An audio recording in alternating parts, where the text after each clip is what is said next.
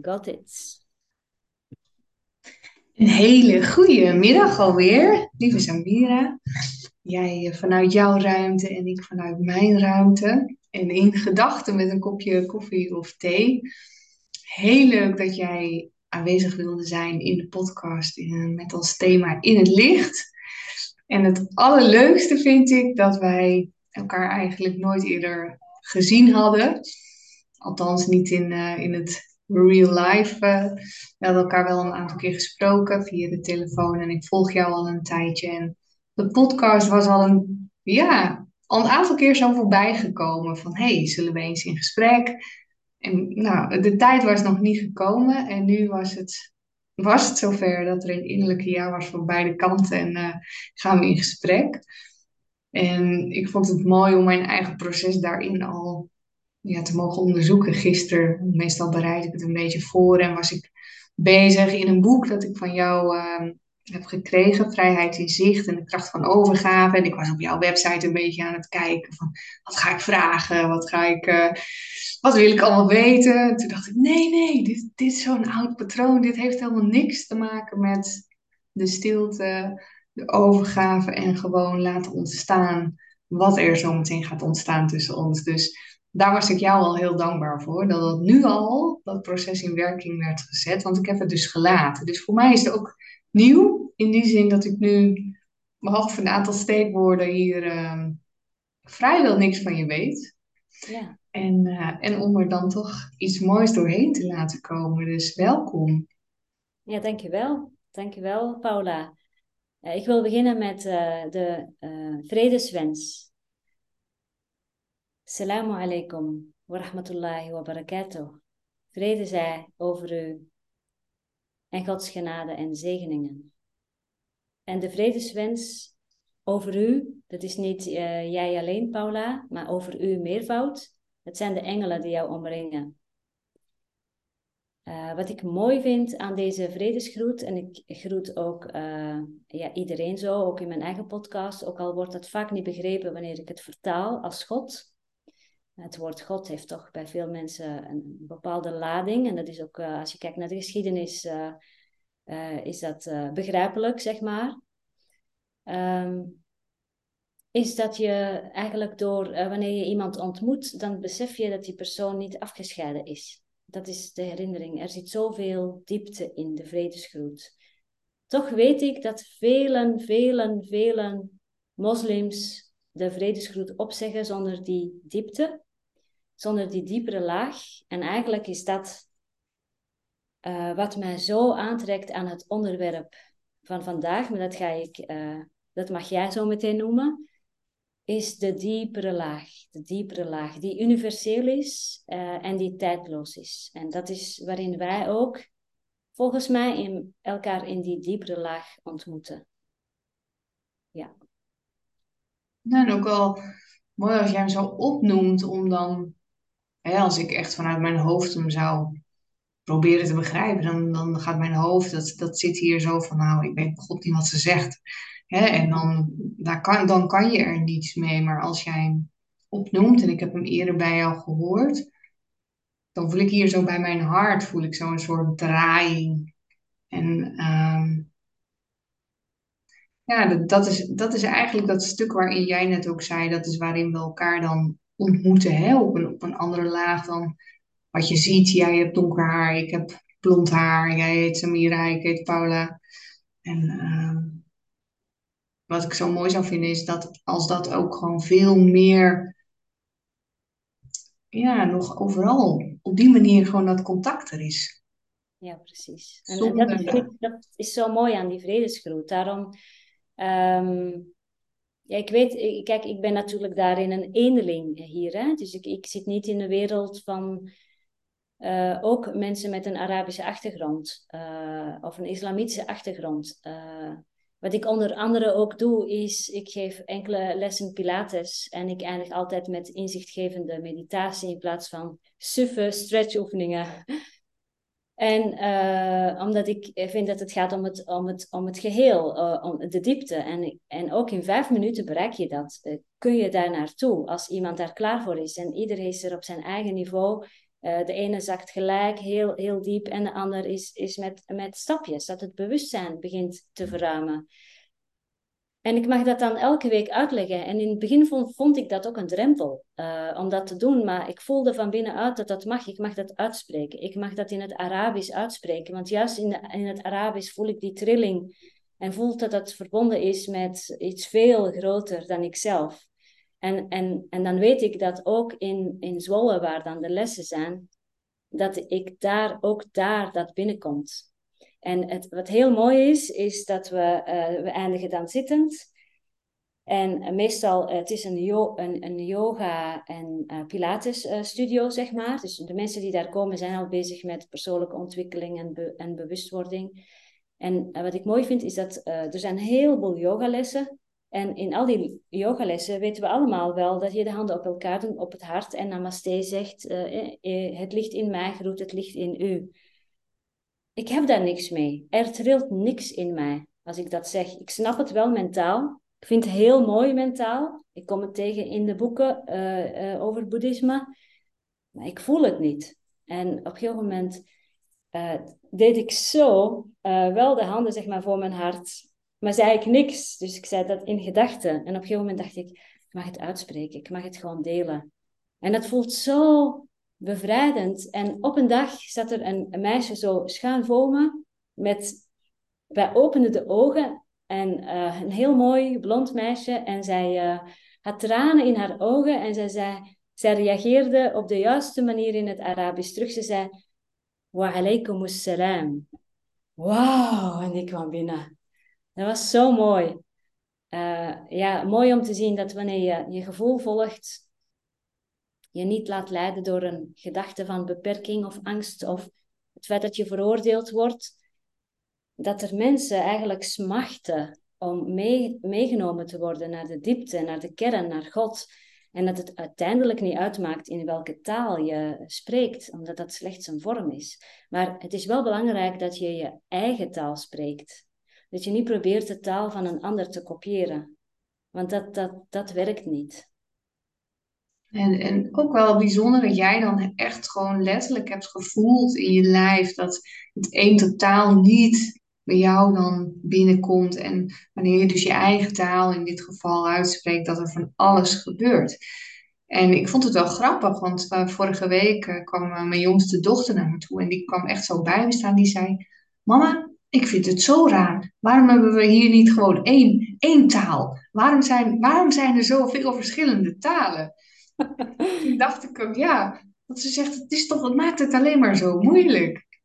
Ja, eigenlijk is dat ook wel zo. En, en wat jij dan nu zegt, dat het, dat het dus zo'n verschil kan uitmaken of je je eigen taal spreekt. En dat het tegelijkertijd, als je daar dan weer voorbij kijkt, dat het toch voelbaar is. Ook al spreek je helemaal niet dezelfde taal. Ja, precies. Ja, mooi. Ja, zo heb ik nog een dame die bij me kwam ook weer, weer ontroerd en uh, ook een beetje verdrietig. En ze zei, al, ze zei van, uh, Samira, ik kan niet ontspannen tijdens die, die ja, ja, afsluitende zeg maar, meditaties, ontspanning. Want zij is christelijk. En ze was altijd op haar hoede voor als ze iets hoorde wat niet bij haar aansluit. En natuurlijk in de wereld van yoga en van uh, in die wereld, dan, dan gebruikt ze een hele andere taal. En zij kwam ook echt voor de Pilates. Dus dat, dat zou voor haar een drempel zijn om dieper te gaan. Toen heb ik met haar een gesprek gehad over de Heilige Geest. En het was, we zaten weer op datzelfde veld. En ik zeg tegen haar van, weet je, ik zeg ik, ik zal allerlei woorden gebruiken. Ik voel gewoon, ik voel vanzelf wie er in de zaal zit en wat ik kan gebruiken. Maar ik blijf, ik blijf het woord God gebruiken. Want ook dat, ook daar mogen we naar kijken. Als het in ons, uh, als we weerstand voelen. Is alleen maar een uitnodiging, dus ik loop daar niet voor weg. Uh, maar toen snapte ze mij en nu kan ze gewoon heerlijk ontspannen. En ik heb haar ook bedankt. Zeg, dank je wel dat je gekomen bent om dit te zeggen. Want je bent het waard om, om na, na zo'n 50 minuten intensieve training ook te ontspannen. En niet alleen maar op je hoede te zijn. En nou, toen vertelde zij over hoe zij dat dan ziet en hoe zij de Heilige Geest aanspreekt. En dus, dus dat, dat uh, gebruik ik nu ook in die afrondende meditaties. En dat is gewoon heel mooi om te doen. We komen uiteindelijk allemaal, we zitten allemaal op diezelfde laag. Dus volgens mij is dat, is, het voelt het een beetje als mijn taak om mensen mee te nemen. En ik heb dat altijd al gedaan, als kind al. Van, van, van hier, van het denken, naar een laag dieper, naar een laag dieper. En uiteindelijk is er een laag waar niemand over spreken kan. Uh, die wel ervaren is, maar uh, en het, er komt ook hierin terug waar niemand over spreken kan. En als uh, die persoon er wel over zou kunnen spreken, dan zou die het niet doen. ja, dat ja. is een laag waar ik nog niet geweest ben. Ligt er een verlangen? Nee, nee. Ik vind het helemaal oké. Ik ben helemaal niet bezig met spiritueel verlicht zijn. Ik, ik heb e-, één diep, één diep verlangen uh, waarin ik vertoef en weer uitstap. En dat is de vrede van God. Zo noem, ik dat. Je weet dat ik uh, al heel lang een cursus in wonderen student ben. En er is een werkboekles. Ik verlang de vrede van God. En die, die is al jarenlang, uh, voel ik die, die les echt resoneren. Echt die maakt contact met iets veel diep in mij. En, en elke keer als ik aan het nadenken ben of ik ben druk of zo, en dan voel ik van wat wil ik nou eigenlijk echt? En dan kom ik gelijk naar de bodem van mijn ziel, de vrede van God. En als ik daar ben, is alles goed. Dus nee, absoluut niet. De vrede van God is compleet en heel. Meer dan dat heb je niet nodig. En dat, en dat kun je nu ervaren. Daar heb je niks van buitenaf voor nodig. En hoe zou jij dan, nou ja, ik kom altijd met de hoe-vraag, maar dan verplaats ik me eventjes in de vragen die ik dan vaak van andere mensen krijg, die dan zeggen, ja, dat is allemaal hartstikke leuk, maar uh, nou er, speelt van alles in mijn gezin, in mijn omgeving, in uh, de wereld. En hoe, hoe kan ik dan in godsnaam vrede ervaren? Wat, wat zou jij dan, wat, wat, wat, hoe, hoe kunnen mensen dat doen, gewoon op dit moment, in vrede ervaren? Uh, door overgave te beoefenen. Door te voelen wat er is en daar niet meer tegen te vechten. De wanhoop te voelen, de pijn te voelen, de ontoereikendheid te voelen. En dat simpelweg toe te staan. That's it. Erbij zijn. En dat is wat overgave is. En dan zak je naar die diepere laag en dan kom je in contact met wat al in je zit. Dat is die intelligentie. En dat is een diep weten, waardoor angst verdwijnt. En dan in de praktijk zit je misschien nog steeds in een scheiding. Of heb je nog steeds die vervelende ex. Maar je hebt contact gemaakt met die diepere laag in jezelf. En hoe vaker je daarin afdaalt, hoe sneller je daar eigenlijk ook komt, en dan ben je ook in de moeilijke dingen in het leven. Maar dat is het. Het is niet zo van, oké, ik, verlang de, ik verlang de vrede van God en ineens mijn leven is gewoon helemaal perfect.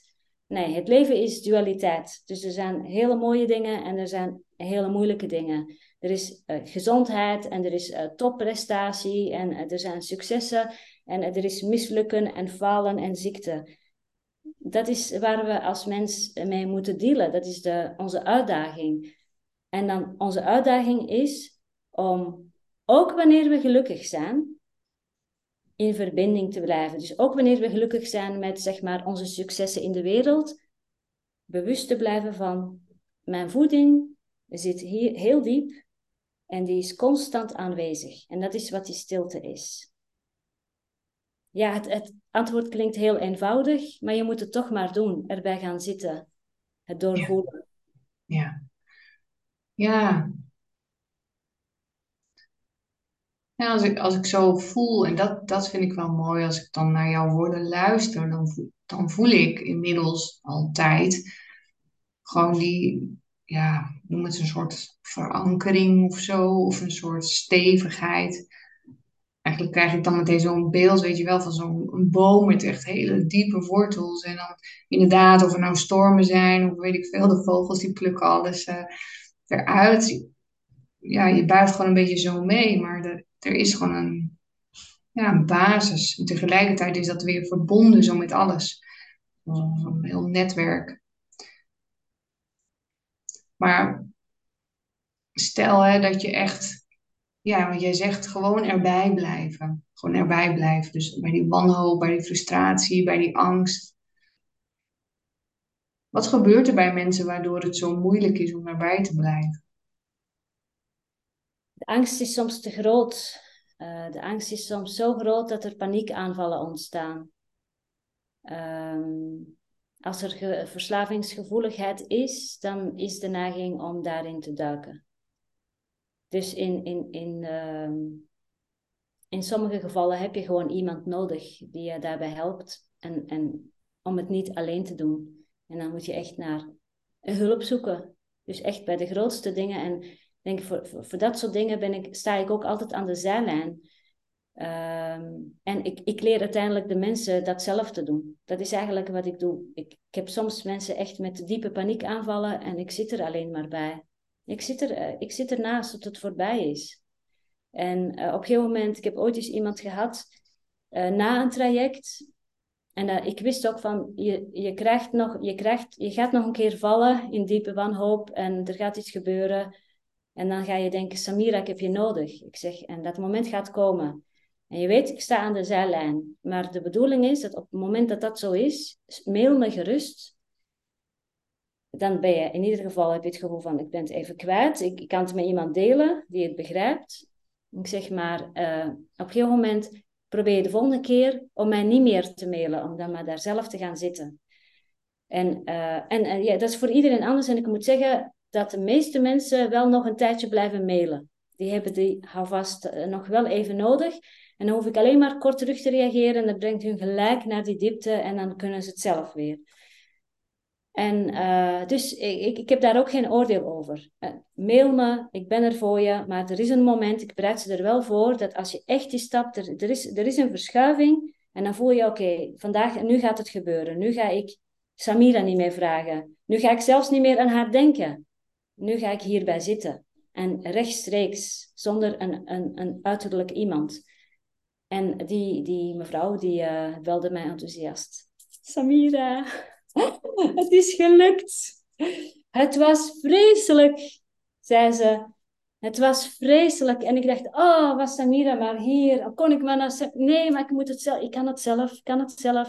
Ik leg het op het altaar. Alle angst doorvoelen in haar hele lijf. En nou, ik heb haar gefeliciteerd. Dat is uiteindelijk de bedoeling. Dat je niet afhankelijk wordt van iets buiten jezelf van een soort van, dat doen mensen altijd, ik heb die neiging ook, om mensen op een voetstuk te plaatsen. En, uh, maar mensen zijn er, komen alleen bij je omdat het op dat moment nodig is. Omdat, omdat het op dat moment de stap te groot is. En ik zie het zo van, God spreekt in jouw taal. Als jouw taal is, ik moet iemand hebben om mij te helpen, dan, dan, hup, dan komt hij op je pad. En dat is voor iedereen anders. Dus ieder heeft daarin zijn eigen weg te vinden. Maar voor mijzelf is wel heel belangrijk dat ik voel heel erg dat ik mensen mee mag nemen naar, naar die bodem. En dat bodem klinkt niet fijn, maar de bodem van de ziel, waar eh, stilte is, waar de... Eigenlijk zijn er geen woorden voor, zeg maar. En, uh, en ik ben beschikbaar. Maar eh, ik wil absoluut niet dat er een, een, een, een soort van uh, relatie ontstaat, zoals uh, een cursus in wonderen zegt, een speciale relatie. Hè, dus dat, en dat, dat, dat bespreek ik ook altijd. In, in elke sessie komt dat altijd naar boven. Van hoe zie je mij, hoe zie ik jou, speciaalheid. En dan gaan we samen weer naar de diepte en dan wordt het een heilige relatie. Ja, heel mooi. Ja. En dat geldt niet alleen in, in werk, maar met, eigenlijk met iedereen die je tegenkomt. En hoe ben jij uiteindelijk bij die stilte gekomen? Want hoe is, hoe is als we even zo'n vogelvlucht zo jouw terugblik even werpen op jouw leven en wat er bij jou voor gezorgd heeft dat je nu dat contact zo kunt voelen en de mensen daarin dus ook kunt begeleiden? Ik denk dat mijn vroegste herinnering is dat ik uh, uh, vroeger in onze gastenkamer, uh, bijna elk Marokkaans huis heeft een gastenkamer, omdat vaak zitten mannen en vrouwen gescheiden. Dus als je bezoek krijgt, dan gaan de mannen naar de heel mooi ingerichte Marokkaanse gastenkamer. Dat zat naast onze slaapkamer. Ik sliep met mijn zussen boven, mijn ouders sliepen beneden. En ik kon soms niet slapen. Ik, ik kan me ook niet herinneren wat de reden was, maar ik, laten we zeggen, basisschoolleeftijd. En dan ging ik daar zitten, ging ik naar de maan kijken, de maan zoeken. En dat gaf me een rustig gevoel. Het gaf me het gevoel dat ik niet alleen was. En, en misschien is het, jij weet dat natuurlijk, misschien is het handig erbij te zeggen, ik, heb, ik, ik ben niet veilig opgegroeid, net zoals zoveel mensen, maar uh, mijn jeugd was niet fijn, ik zal het zo zeggen. En uh, ik heb dat op dat moment niet zo beseft, maar als ik er nu op terugkijk, denk ik dat ik overdag moest overleven. Uh, later heb ik dat teruggelezen in de, in de psychologie. Dat, uh, dan ben je kind in privé-oorlogsgebied. Dus je bent in je eigen privégebied helemaal niet veilig. Dus s'nachts, als iedereen sliep en het was stil, en je kon naar buiten kijken en je kon de sterren zien en, en, de, en vooral de maan, ja, dan voelde ik een aanwezigheid. En ik, ik, ik voel nu nog, en ik kan me ook echt herinneren, dat, ik, dat er tegen me werd gezegd: Het is allemaal niet waar. Het is allemaal niet waar. Je bent veilig. Het is allemaal niet waar. Dus die bevestiging kreeg ik van: Oké, dit is een gekke wereld, maar het is niet waar. En dan was ik al heel jong. En dat gevoel is vaker teruggekomen. En uiteindelijk heb ik na uh, volledig uh, zeg maar vechtscheiding en een burn-out en gedoe met de kinderen na de scheiding, uh, om de kinderen zeg maar, kwam ik in leertherapie bij iemand die student was van een cursus in wonderen. Stiekem, want dat, het is natuurlijk de reguliere zorg, hè? maar zij was wel student van een cursus in wonderen.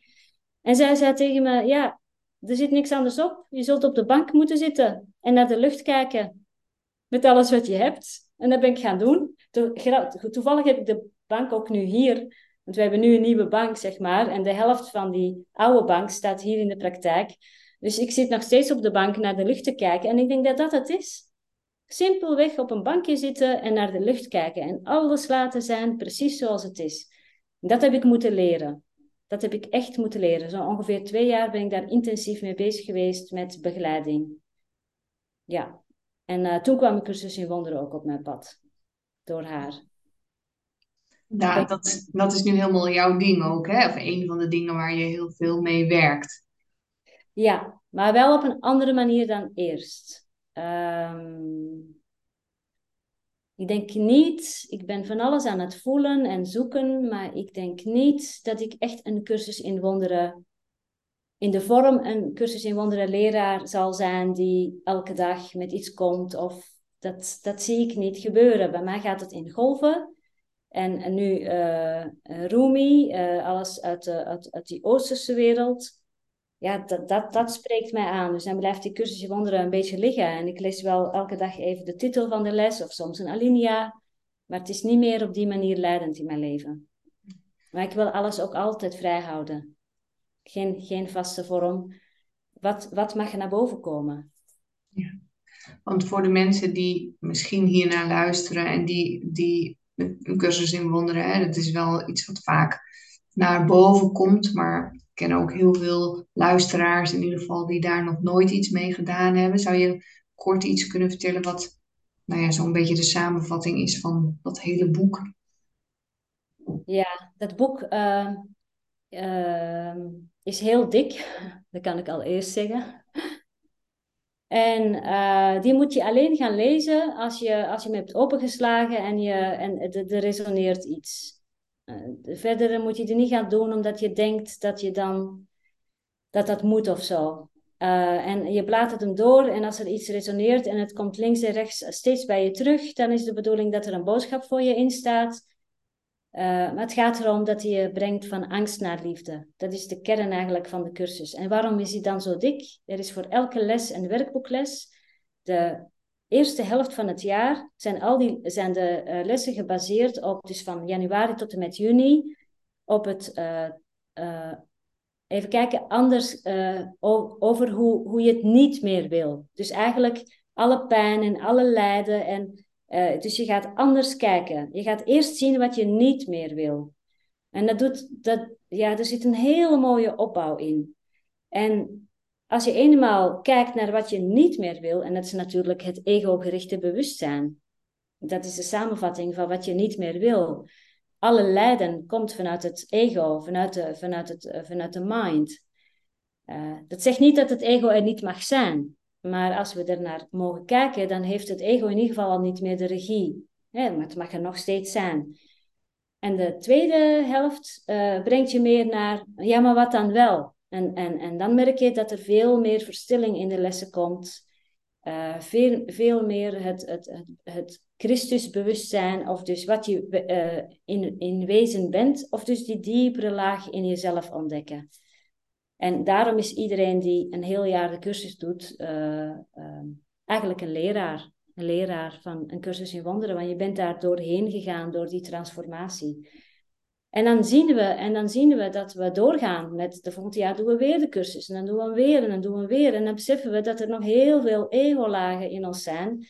En dat, we, dat het eigenlijk een proces is wat, wat uh, nooit helemaal voltooid is. Misschien bij enkele, maar bij de meeste mensen niet. Maar wat er wel gebeurt is dat het leven lichter wordt. En vrijer, rustiger, vrediger. Dat is, en dat is de reden waarom mensen elk jaar weer verder gaan. Omdat dat ze steeds op die diepere laag komen en dus vrijer worden van hun geconditioneerde ik. Ja. Is er bij jou een bepaald thema dat echt nog, nog heel steeds naar boven komt, waarvan je denkt, oh, dit is echt laag 105, dat ik er doorheen ga, even bij wijze van spreken? Hmm, bij mij is dat succes, falen en succes.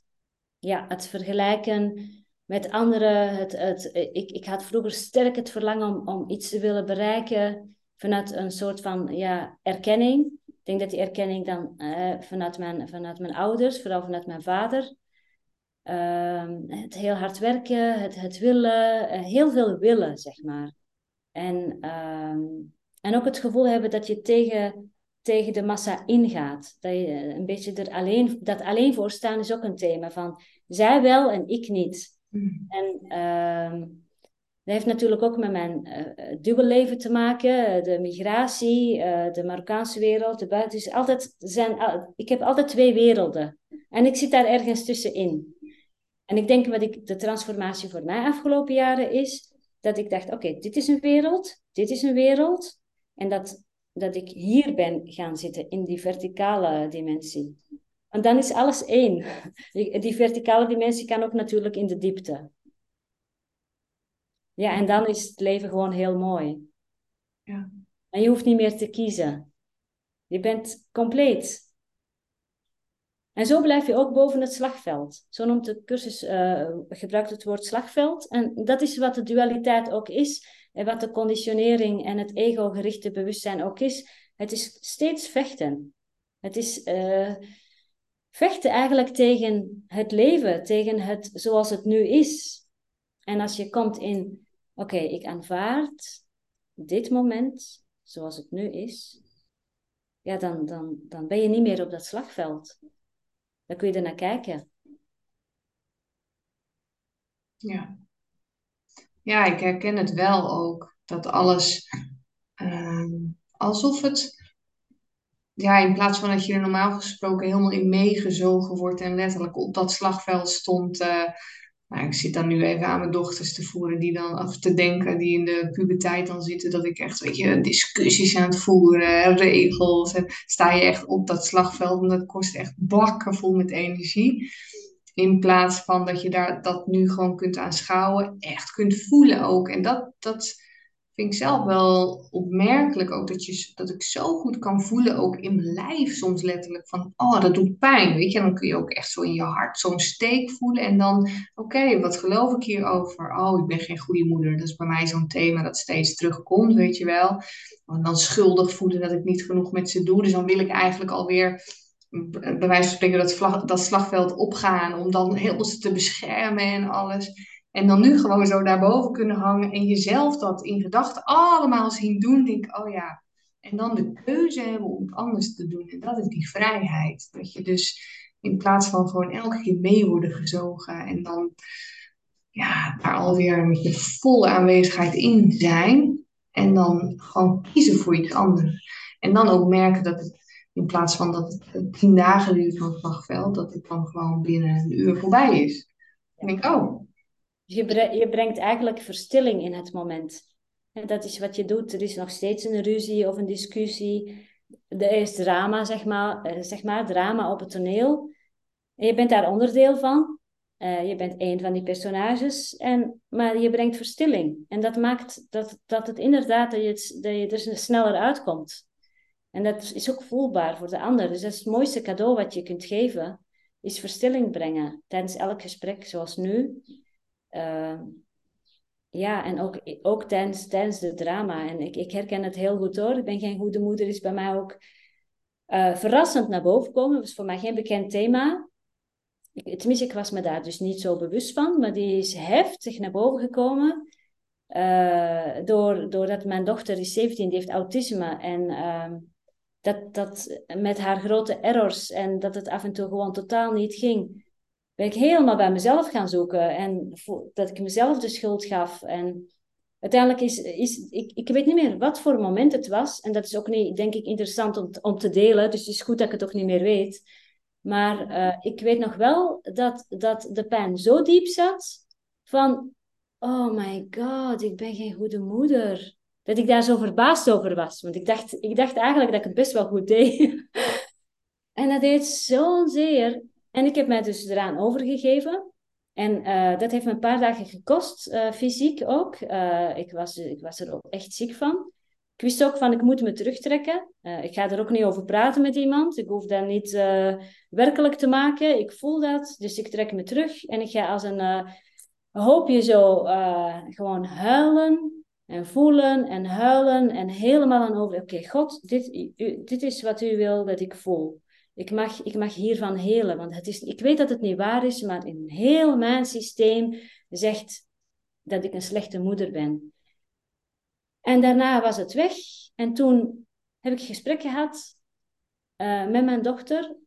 En ik weet nog dat er weer zo'n moment was en dat ik echt vanuit, vanuit die stilte er kon zijn en haar alles op mij kon laten afreageren zonder, zonder dat ik was, ik was de bedding. Het mocht gebeuren. Ik laat maar. Dat is de liefde. Die, dat is wat ik dan kan zijn. En dus die, die transformatie is er. En uh, ja, dat is wel helemaal. En dat is ook recent, eh, twee jaar geleden of zo.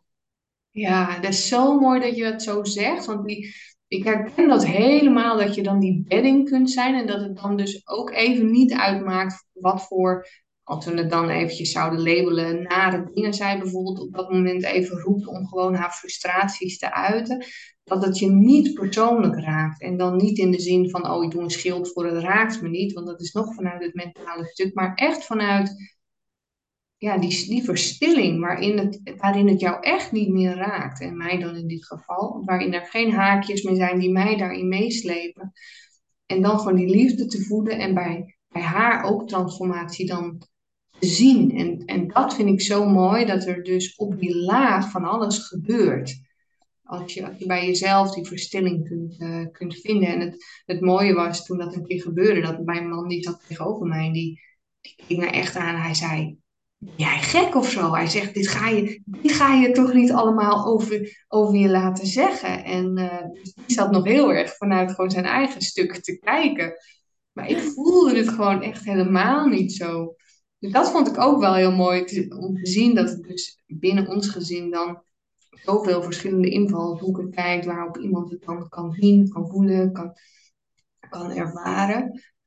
Maar dat is, dat is zo'n bevrijding als je, als je het niet meer persoonlijk maakt. Ja, ja, precies. En dat is de kracht van de stilte, van verstilling, van overgave, zonder iets te willen veranderen. Want er hoeft niks veranderd te worden. Iemand mag boos zijn, iemand mag je haten, iemand, iemand mag je de schuld geven. Laat het allemaal maar gebeuren. En dan blijf je dus in die, uh, boven het slagveld en in de, in, in de, niet vanuit het ego, niet vanuit, oh, ik ben beter en ik, en ik kan dat uh, wel allemaal overzien omdat ik volwassen ben. Maar juist vanuit die kwetsbaarheid, je voelen wat er te voelen valt bij jezelf en daar de verantwoordelijkheid voor nemen. En de verantwoordelijkheid was in mijn geval van, ik ga met mijn eigen pijn zitten en ik ga accepteren dat het zo is, dat ik me zo voel. En uh, zonder te duiken in verhalen van ja, als ik, uh, als ik zo was opgevoed, of als ik een beter voorbeeld had gehad, of jeetje, ik heb het echt fout, fout gedaan. Nou, laat het maar voorbij komen, maar pak het niet op. Gaan we gewoon naar het gevoel. Het gevoel is gewoon vreselijk, dat voel je overal in je lijf en er is verdriet. En dat is het. En dat gaat ook voorbij. En dat is, dat is wat ik noem spirituele volwassenheid. Dat is wat volwassenheid is. En dan denk ik, als je om je heen kijkt, dan is de wereld één grote kleuterschool. en wij hebben de taak om, volwassen te worden. En dat is het pad, de zeven fases van het pad der waarheid. Dat is eigenlijk, denk ik, ik heb een heleboel voorbereid, of voorbereid. Ik heb de veertig lessen van de leermeester van Rumi opgezocht. Maar uh, er is ook een pad der waarheid met zeven fases. En, en, en toen ik jou uh, belde of uh, appte van ja, ik heb er zin in, dan, dan wou ik eigenlijk ook dit met jou en dus met de luisteraars delen. Je hebt toch verteld wat het onderwerp is. Want wat vind je daar zo mooi aan? Um, nou, wat ik sowieso herken in, uh, in Rumi. Ik werd eerst aangetrokken door Rumi. Rumi kennen we bijna allemaal, een Persische dichter. Uh, en, uh, en zijn gedichten.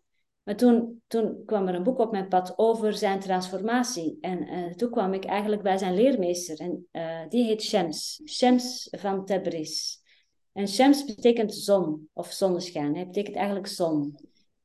En zijn verhaal, dat hij al heel vroeg visioenen kreeg, dat hij een bescherm, uh, beschermengel had die hem leidde, uh, in, een, in een wereld waar die niet begrepen is. En uh, vanuit, vanuit hem ontstond het Soefisme. En dat is de meest, dat is de spirituele tak van de islam, zeg maar. dat is ook een minderheid van de, van, van de moslims die Soefi zijn. Ehm, ja, het pad der waarheid, het is... Ja, ik, ik, ik, denk, ik denk dat je begrijpt. ik denk dat ik het beter kan delen, voor ik ga zeggen wat mij hierin aanspreekt. Want dan snap je het. dan snapt iedereen het.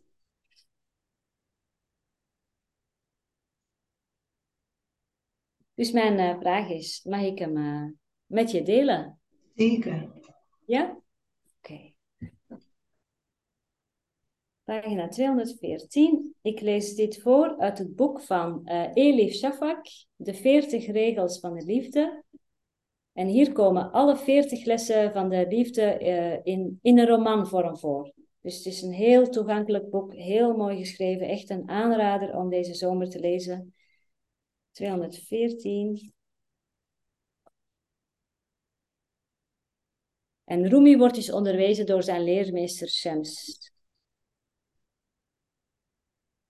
Oké, beide zijn ze zich ondertussen bewust um, en dat het enigste wat belangrijk is, is de waarheid. En de waarheid met hoofdletter. Dat is de weg die voor, zeg maar, voor hun ligt.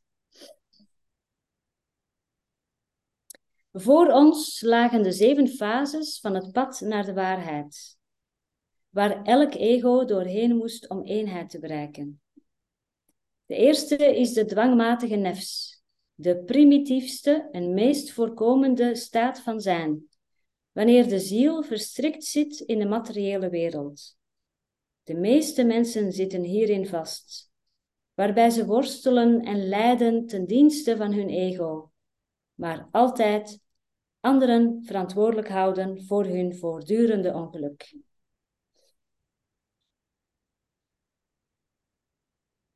Als en wanneer iemand zich bewust wordt van die slechte situatie en aan zichzelf gaat werken, dan kan hij naar de volgende fase gaan, die in zekere zin het tegenovergestelde is van de eerste. In plaats van dat hij voortdurend andere mensen de schuld geeft, geeft iemand die deze fase heeft bereikt voortdurend zichzelf de schuld, soms zelfs tot het punt dat hij zichzelf compleet wegcijfert. In deze fase wordt het ego de beschuldigende nefs en zo begint de reis naar innerlijke zuivering. Deze eerste twee fases, misschien kunnen we daar even naar kijken. Ja, uh, herken je het? Absoluut. Ja, hoewel ik, ja, met de schuld ja, meer aan de omstandigheden dan. Maar dat is echt al wel een hele tijd geleden. En dan, eh, bij mij was dat stukje van mezelf de schuld geven ook wel echt zo'n thema. Dat echt, eh, ja, dat komt nog wel eens terug. Gelukkig uh, is dat nu al vele maanden milder, maar vandaar ook uit liefde voor jezelf leven. Dat was in eerste instantie uit liefde voor jezelf op de persoonlijkheid gericht. Gerelateerd aan toen de diagnose die je kreeg. En daarna is dat jezelf met hoofdletter geworden. Uh, hoewel mensen dat nog niet altijd uh, snappen, maar dat is mijn eigen transformatie geweest, waarin je dus ook dat gaat doorzien. Dat je, wat je aan het doen bent ook. Ja. Dat, uh, dat strenge stuk. En, en ook dat pleasen, dat zie ik ook. Ja, dat zie ik ook om me heen wel veel. Men zichzelf echt wegcijferen, ook ten koste van zichzelf voor die ander. En als je daar nog niet bewust van bent, of als je daar net bewust van wordt, dan kan dat heel confronterend zijn om gewoon te zien wat je zelf allemaal in stand houdt. Ja. En, zonder daar dan die schuldige stem uh, de boventoon te laten voeren. Ja, en toch kom je daar wel in. Toch komt dat wel. Uh, het is een fase waarin dat gebeurt gewoon. Maar achteraf kun je daar naar kijken en dat herkennen. Maar het, het, het hoort bij het pad, zeg maar. Je kan er niet omheen. Je kan het niet overslaan ook. Ja. ja, en dat vind ik wel mooi om te zien van... Zegt uh, in de cursus uh, uh, staat het letterlijk. Je, je, kunt geen stappen overslaan. ook achter in de cursus heb je ook handboek voor leraren. En daar staan ook de verschillende eigenschappen van, van een leraar. En, en de verschillende fases ook van, van de transformatie. En ja, ik, ik lees daar af en toe in en dan vraag ik me ook af welke fase zit ik. Soms is me dat heel duidelijk, soms weet ik het niet. Maar je kunt inderdaad geen stappen overslaan. Soms we willen te snel. En ja, wie wil te snel? Dat is natuurlijk het illusoire ikje. En wat te snel wil. Dat is zo mooi, we houden onszelf zo voor de gek. Uiteindelijk mogen we er ook gewoon om lachen. Het maakt allemaal in de essentie weer helemaal niks uit. Ja. Nou, ik vind de derde fase dus heel interessant. Wat gebeurt er in de derde fase? In de derde fase is de persoon volwassener geworden en heeft het ego zich ontwikkeld tot de geïnspireerde nefs. Pas op dit niveau en niet eerder kan iemand de ware betekenis van het woord overgave ervaren en door de vallei van kennis dwalen. Iedereen die het zo ver gebracht heeft, zal beschikken over en blijk geven van geduld, doorzettingsvermogen, wijsheid en nederigheid. De wereld zal nieuw en vol inspiratie aanvoelen. Niettemin zullen veel van de mensen die het derde niveau bereiken een drang voelen om hier te blijven en de wil of de moed kwijtraken om verder te gaan. Dat is de reden waarom de derde fase, hoe mooi en gezegend die ook mogen zijn, een valkuil is voor degene die iets hoger nastreeft. Ja. En dan ga je je afvragen van, ben ik tevreden met de derde fase? En?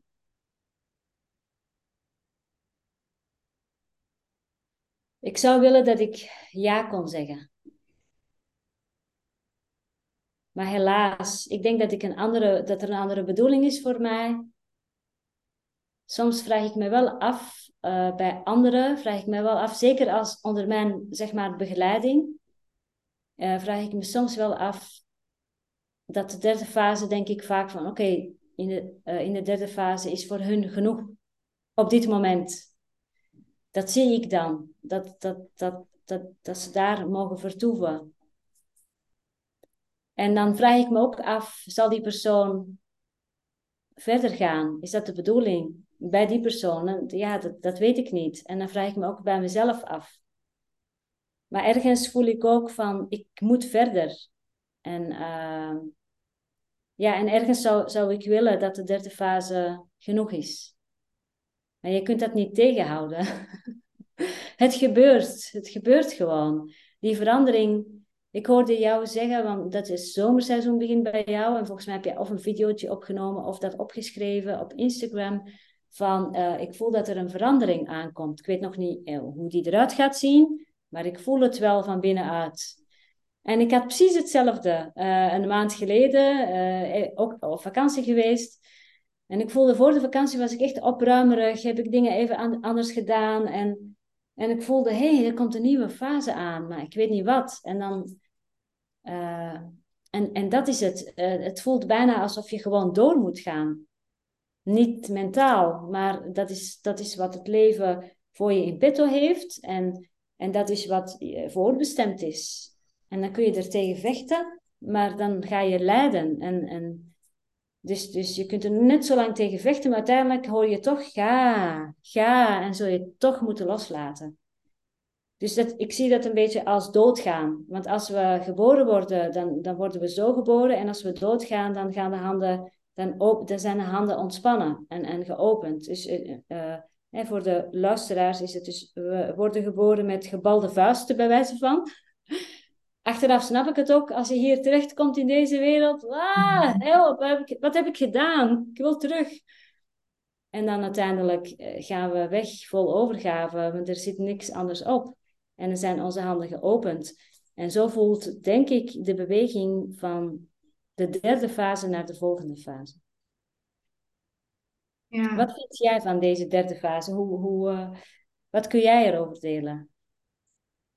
Nou, dat ik, wat ik erin herken is gewoon dat het heel fijn is om daarin te vertoeven. Als je dat echt, uh, zoals ik dat nu ervaar, dat je ook voelt dat wanneer je vanuit een zuivere intentie iets wil doen, um, dat het dan ook stroomt. Dat je dat dus dat, je dat echt ten diepste voelt, laat ik het zo zeggen, dan is het leven heel wonderlijk en, en heel fijn. Want dan, ja, dan val je gewoon in, als ik dan voor mezelf spreek, in zoveel mooie momenten. Dan letterlijk die nieuwe wereld, wat ze dan beschrijven alsof je in een nieuwe wereld komt. Het is dezelfde wereld, maar je ziet eigenlijk de intelligentie daarachter. Hè? Dus je ziet niet meer een vogeltje dat een nestje bouwt, maar je ziet gewoon de intelligentie die daarachter huist. En zo zie je alles. Dus alsof je eigenlijk een soort verdieping in het leven ziet en ervaart en kunt voelen. En ook dus uh, ja, die rust kunt voelen. En, uh, en de neiging bij mezelf kan voelen van, oh ja, dit is wel heel lekker om zo, uh, om zo dit, dit is het. Maar ja. ik voel bij mezelf dat dat ook niet de bedoeling is. En um, dat ik daarin zelf lastig vind, maar dat is echt hoofd is dat er soms nu dingen op mijn pad komen die ik niet, ehm, nog niet wil delen, nog niet. Nou, ik voel dat het niet de bedoeling is om dat te delen. En dat, dat, ja, dat zijn dan, daar kan ik alleen maar een intense dankbaarheid voor voelen voor die ervaringen. Ook heel veel nederigheid dat ik daar dan een bijdrage mag leveren. Zo voel ik het echt. En dan gaat het helemaal niet meer om mij als persoonlijkheid. Dus dan ben ik echt maar gewoon een speldenprikje in dat grote geheel, wat dan met een ander speldenknopje iets mag uitwisselen. Maar wat dan, als dat voorbij is en ik kijk daarvan, dan denk ik, wauw, weet je wel, dit is. En dat gaat dan echt, ja, dat gaat gewoon zoveel verder dan dit leven. En dat, ik voel gewoon dat dat niet de bedoeling is om dat te gaan delen. Dus meer achter de schermen werken, noem ik het maar even zo. In dienst van het grote geheel. Uh, en dus daar zit nog heel veel verdieping. En ik voel dat, alleen ik kan het nog niet zien. En soms zijn er dus wel van die paar momentjes waarin ik dan voel van oké, dit is echt een hele andere richting. En dan voel ik angst opkomen vanuit die persoonlijkheid van oké. en dan ga ik weer naar de derde fase terug van oh ja, lekker, weet je wel. Hier is het veilig en comfortabel. Maar ik weet dat het dat, uiteindelijk niet de bedoeling is. Maar dat zijn ergens voelt het wel zo dat, dat in dit geval, voor mezelf spreek gewoon dat er vertrouwen ook mag komen weer in dat stuk ook van oké. En, en ja, en dan weer opnieuw, opnieuw bekijken en uh, wat, wat er dan komt. Maar Dus ja, dat kan ik erover delen nu. Oh, mooi. Een beetje, een beetje wollig, maar ik voel ook gewoon dat dat echt niet, ja, nee, ik, ik voel echt daar niet behoefte om daarover in detail te treden. Omdat dat niet, als je het dan hebt over echt, ja, hoe mensen tegen de wereld aankijken, of in ieder geval heel veel mensen, ehm, dan, ja, dan wordt het echt een heel verhaal wat gewoon niet de bedoeling is. Dat is denk ik de boodschap. Ja, je kunt het eigenlijk een beetje zien misschien als een, uh, pasgeboren baby wat, uh, wat nog uh, gekoesterd wordt in, in, in, in een kleine kring, zeg maar. Met de juiste mensen, de, de, de dierbaren met wie je hetzelfde, de, ja, de, de, de blijdschap erover kunt delen. Maar dat is nog niet voor de wereld en misschien ook helemaal nooit voor de wereld. En zo zie je maar dat social media en deze manier van dingen doen slechts een vorm is. En dat, uh, dat elke inhoud. Uh, ja, we zijn op een gegeven moment raken we gewend aan een vorm en lijkt het alsof die inhoud altijd, dat we altijd maar dezelfde vorm moeten gebruiken. Maar goed, dat is onzin. Als je kijkt, als je koekjes gaat bakken, dan is het ook leuk om verschillende vormpjes te hebben. Dus uh, ja, dan is het op een gegeven moment, we raken gehecht aan een vorm en ja, kunnen we dat ook gewoon weer laten gaan. Want er komt vast wel een, een andere vorm die past bij die inhoud. Dus uh, ja, ja precies, precies dat. En dan, dan is dat loslaten. Dat is dan dat proces. En dat is wel lekker als je dat kunt voelen, dat het, dat het niet meer zo moeilijk is als wat het in het begin was, om dat helemaal los te laten. Maar elke keer die blanke pagina die helemaal leeg is en er is dan dat diepe vertrouwen van oké, hij gaat gevuld worden. Alleen uh, je mag, mag weer eventjes uh, geduld hebben en het laten ontstaan en dan voel je weer inspiratie en dan en dan is het er ook binnen no time. Ja, ja omdat, en dat, dan zie je dat alles is een proces en alles heeft zijn tijd in dat proces. Dus dat, kun je niet versnellen. Het heeft allemaal zijn tijd nodig. Uh, ja, daar staat ook een hele mooie les in over geduld. Uh, de, uit een van de veertig lessen van uh, Shams. Over geduld en vertrouwen. En hij vergelijkt dat een beetje met de wassende maan en de volle maan. Je kunt wel gaan springen en op je kop gaan staan dat het niet eerder volle maan is dan dat die is, maar je zult toch moeten wachten. En dat is, dat is de aard van de, van de natuur. En uh, we, ja, we leven in een wereld waarin alles heel snel geregeld kan zijn. Dus we willen het allemaal ook snel. Er is heel veel willen, willen, willen. En dat is natuurlijk het ego-gerichte bewustzijn. En uh, ik denk dat het echt, voor mij was het afgelopen jaren echt een oefening om ook de praktijk en wat ik wil daarin los te laten. Uh, ik heb er dus ook een baantje bij. En dat, dat geeft mij ergens ook rust. Uh, en het geeft mij rust om het niet meer te willen. Ik ben niet meer bezig met.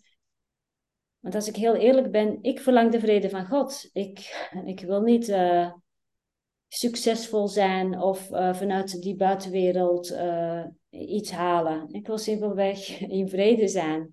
En hoe ziet die vrede eruit? Daar ga ik dan niet over. Laat, laat de hogere intelligentie of de, de, de diepere intelligentie, laat, laat die dat maar beslissen. Uh, zo, zo min mogelijk Samira, zeg ik altijd. en dan, dan is het altijd goed. En dan, en dan mag ik het natuurlijk in mijn lijf, met, met mijn voorkeur, voorkeuren, op de plek waar ik woon, mag het tot uiting komen. Uh, maar dan ben ik alleen maar een instrument. En dan, en vanuit die verbinding maken met die Samira, dat voelt dan fijn. Maar niet andersom. Dat is zeg maar, ja, stap, echt een stap terug doen. En overgave. En pas in beweging komen als alles in het leven ja zegt. En uh, en, eh, en, en, als je het niet hoort, dan ga je gewoon simpelweg doen wat je diezelfde dag moet doen. En meer niet. Ja, heel simpel leven eigenlijk. Ja, maar je hebt dus ook steeds minder nodig. Echt, als je dan uh, even kijkt naar wat heb je nodig in het dagelijks leven, dan, dan is dat ook niet zoveel. Klopt, ja. Dat wordt steeds minder. Ik heb Tolle zegt dat ook zo mooi, hè? De mind is altijd bezig, ja, maar er zijn problemen, er zijn problemen. Die is bezig met verleden, met toekomst. Maar ja, ik, uh, ik was gisteren laat op de fiets terug uit Zwolle. Ik heb, uh, dinsdagavond geef ik altijd les. En ik was lekker naar Tolle aan het luisteren, vind ik zo'n cadeau. En hij zegt, maar is er nu een probleem? En ik kijk zo om me heen naar links en rechts en ik zie weilanden, ik zie koeien, het is bijna donker. Uh, en ineens zag ik nog net in de schemer drie paarden. Eigenlijk vrij dichtbij, ik schrok er een beetje van. Drie paarden die zo heel zachtjes zo dezelfde kant op gingen. En ik dacht, ja, verrek, ja, dat is, er, is, er is in het hier en nu is er gewoon geen probleem. En, maar de mind wil wel zeggen, er is een probleem, er is een probleem, daar moeten we nu naar kijken en dat moet nu worden opgelost. Ja, heerlijk is dat als, als, je, als je gewoon in het hier en nu leeft. En dan natuurlijk, je moet dealen met de dingen die op je pad komen. Maar als je dat in het hier en nu doet, met de volledige aandacht, dan gaat dat, ook dat, daar kom je doorheen. Ook dat lukt. En dan zijn die taken die zo moeilijk en zo groot lijken, ineens ja, voor je het weet, uh, is het alweer klaar. Ja. Dus kijk ik even stiekem naar mijn uh, telefoon die aan het klintje is. Dus ik weet niet of hij hem nou uh, daar heeft opgenomen, want hij, hij geen idee. Nou, dat gaan we dan nog maar bekijken. We hebben, we hebben nog de, we hebben de Zoom-opname. Dat is dealen met wat er in het leven gewoon komt. hè? Ik kan er toen niks aan veranderen. Dus ik ga straks even bekijken of hij het heeft gedaan of dat hij er helemaal mee gestopt is. Nou ja, we gaan het, we gaan, we gaan het bekijken. Wat vind jij mooi om als afsluiting nog te delen? Heb je nog iets wat je graag als afsluiting uh, met de luisteraars wilt delen? Even kijken. Uh, we, waren, uh, we hebben de, de. Ik weet niet, hoeveel tijd heb je nog? Nou, ja, deze is ermee gestopt, dus dat maakt eigenlijk niet meer uit. Dus uh, dan, hebben we, dan hebben we nog tijd. Nou, het is wel misschien wel mooi om die fases af te maken. Gewoon in het kort, zonder daar veel te diep op in te gaan. En dat is de fase 4. Fase 3 hebben we gezegd, oh, dat is heerlijk om in te vertoeven. Fase 4 is um, Even kijken. Degenen die wel verder weten te komen, dus dan fase 3, bereiken de vallei van het losmaken. Losmaken met hoofdletter. En leren de tot rust gekomen nefs kennen. Hier is het ego niet meer wat het voorheen was. Het is veranderd in een hoger bewustzijnsniveau. Ruimhartigheid, dankbaarheid en een onwrikbaar gevoel van tevredenheid, ongeacht de ontberingen in het leven, zijn de voornaamste kenmerken van iemand die deze fase heeft bereikt. Daarachter ligt de vallei van eenheid. Wie zich daar bevindt, zal zich onderwerpen aan elke situatie waarin God hem brengt. Wereldse zaken maken hem niets uit, want hij heeft de onderwerpende nefs bereikt. Dus de onderwerpende nefs. Nefs kun je ook vertalen als ziel maar dan niet ziel met hoofdletter, maar denk met kleine letter. In de volgende fase, de onderworpen nefs, wordt iemand een lantaarn voor de mensheid en straalt hij energie uit naar iedereen die erom vraagt, onderwijs en verlichting biedend als een ware meester. Soms kan hij ook over genezende krachten beschikken. Overal waar hij gaat, zal hij een groot verschil maken in het leven van andere mensen. In alles wat hij doet en verlangt, is het zijn voornaamste doel om God te dienen door anderen te dienen. Dat is dus de zesde fase. En tenslotte, in de zevende fase, bereik je de volmaakte nefs. Je wordt een volmaakte mens. Maar niemand weet veel over die toestand. En zelfs al is er af en toe een enkeling geweest die er wel iets van wist, dan zou diegene er niet over praten. ja, dat, de, het pad der waarheid uh, is dus mooi en is makkelijk op te zoeken als je daarop googelt, denk ik. Ja, dit boek, lees dit boek deze zomer en uh, je zegt wat wil je nog delen? Lees ook dit boek van Kader Abdullah. Wat je zoekt, zoekt jou. Hij heeft een stukje geschiedenis over hoe Rumi opgroeide. En dan de ontmoeting van Rumi en zijn leermeester. Dat is heel interessant. Nou, de, uh, de 40 uh, lessen van de liefde. Dan een heleboel mooie gedichten heeft hij vertaald uh, uit het Persisch. En heeft ook een heleboel verhalen die uit het oosten komen, ook, ehm, ook zeg maar opgeschreven. Want Rumi is ook heel erg geïnspireerd door die verhalen. En zijn gedichten, degene die de verhalen kent, herkennen dat in zijn gedichten. Maar wij als Westerling, als wij die verhalen niet kennen, voor ons, voor ons is dat vreemd. En daar moet ik nog aan beginnen. Dus ik heb zin om, uh, om daarin ook verder te lezen. Ja. En bij die, ehm, dat pad der waarheid, daar staat niet een handleiding bij, hè? Nee, nee. Nee, maar je, je handleiding is eigenlijk je innerlijke leiding. Dat is het. En die innerlijke leiding is hier en nu in de stilte. Ja. En dan het enigste wat je kan doen, eh, ik, ik, ik hoor het ook van andere mensen die, die bezig zijn met het uh, spirituele pad, is als ik alleen ben, dan lukt het mij niet. Dan zeg ik, zoek hulp. Zoek iemand die jou daarheen kan brengen, maar vraag dat eerst aan je innerlijke leiding, stem af. En vraag om hulp. En dan komt de juiste persoon op je pad. Dus um, je hoeft het niet alleen te doen. Ja. Ik vind het ook wel grappig. Ik schrijf eigenlijk vrijwel bij alles wat er dan nou ja, gedeeld mag worden, schrijf ik vaak van voel je een innerlijke ja, wees dan welkom. En dat is eigenlijk precies wat jij beschrijft, van die innerlijke leiding. En zo werkt het bij mij ook als ik ergens tegenaan loop of als ik voel van hé, hey, ik wil graag weer wat nieuws uh, tot me nemen, dan dan voel ik eigenlijk direct een ja. En dan gaat het bij mij ook altijd meteen tik en dan ga ik het doen. Ik ga dat niet bijvoorbeeld bekijken en uitzoeken en vergelijken en prijzen vergelijken. Nee, dat, dat werkt helemaal niet op die manier. Het is gewoon, is er een innerlijke ja, volg die innerlijke ja dan ook. Dus uh, als de mensen nu jou gehoord hebben, Samira, en die denken van nou, ik zou het fijn vinden als Samira met mij een stukje meeloopt en mij helpt om in die innerlijke stilte van mezelf te komen, dan uh, zal ik jouw gegevens ook onderaan de podcast uh, delen, zodat ze jou gewoon uh, kunnen, kunnen vinden. Jij bent ook actief hè, op LinkedIn vooral volgens mij. En, ehm, ja, als ik, als ik inspiratie heb, als ik dat voel. Ik ben niet bezig met algoritmes en weet ik veel wat. Ik heb geen marketingplan. Wat ik wel ga doen deze zomer, komt eindelijk mijn aanbod in een, nieuw jasje en zal mijn website ja, makkelijker toegankelijk zijn. Dus dat iemand die erop komt makkelijker een keuze kan maken, maar ook sneller begrijpt van wie ben ik en wat doe ik. En dat is afgelopen jaren moest ik dat echt allemaal loslaten en gewoon laten liggen, zeg maar.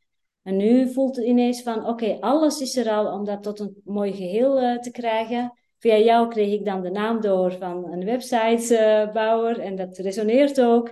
Dus dat, dat loopt al. Uh, dus, dus het mag nu eindelijk, uh, ja, ik, ik, ik, ik, had het niet verwacht.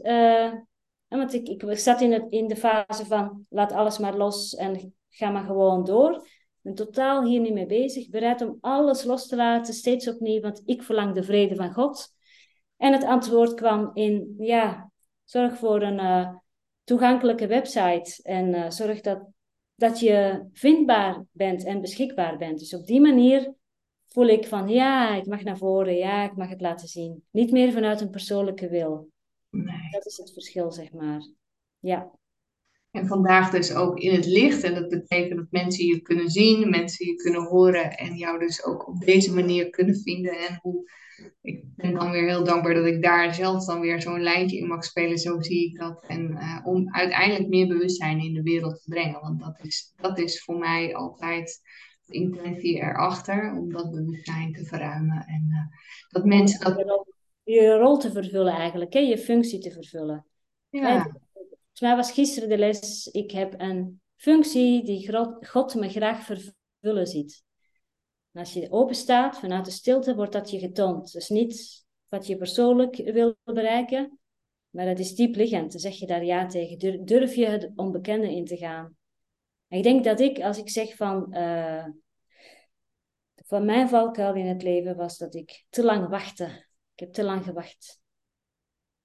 Uit angst natuurlijk. Ja.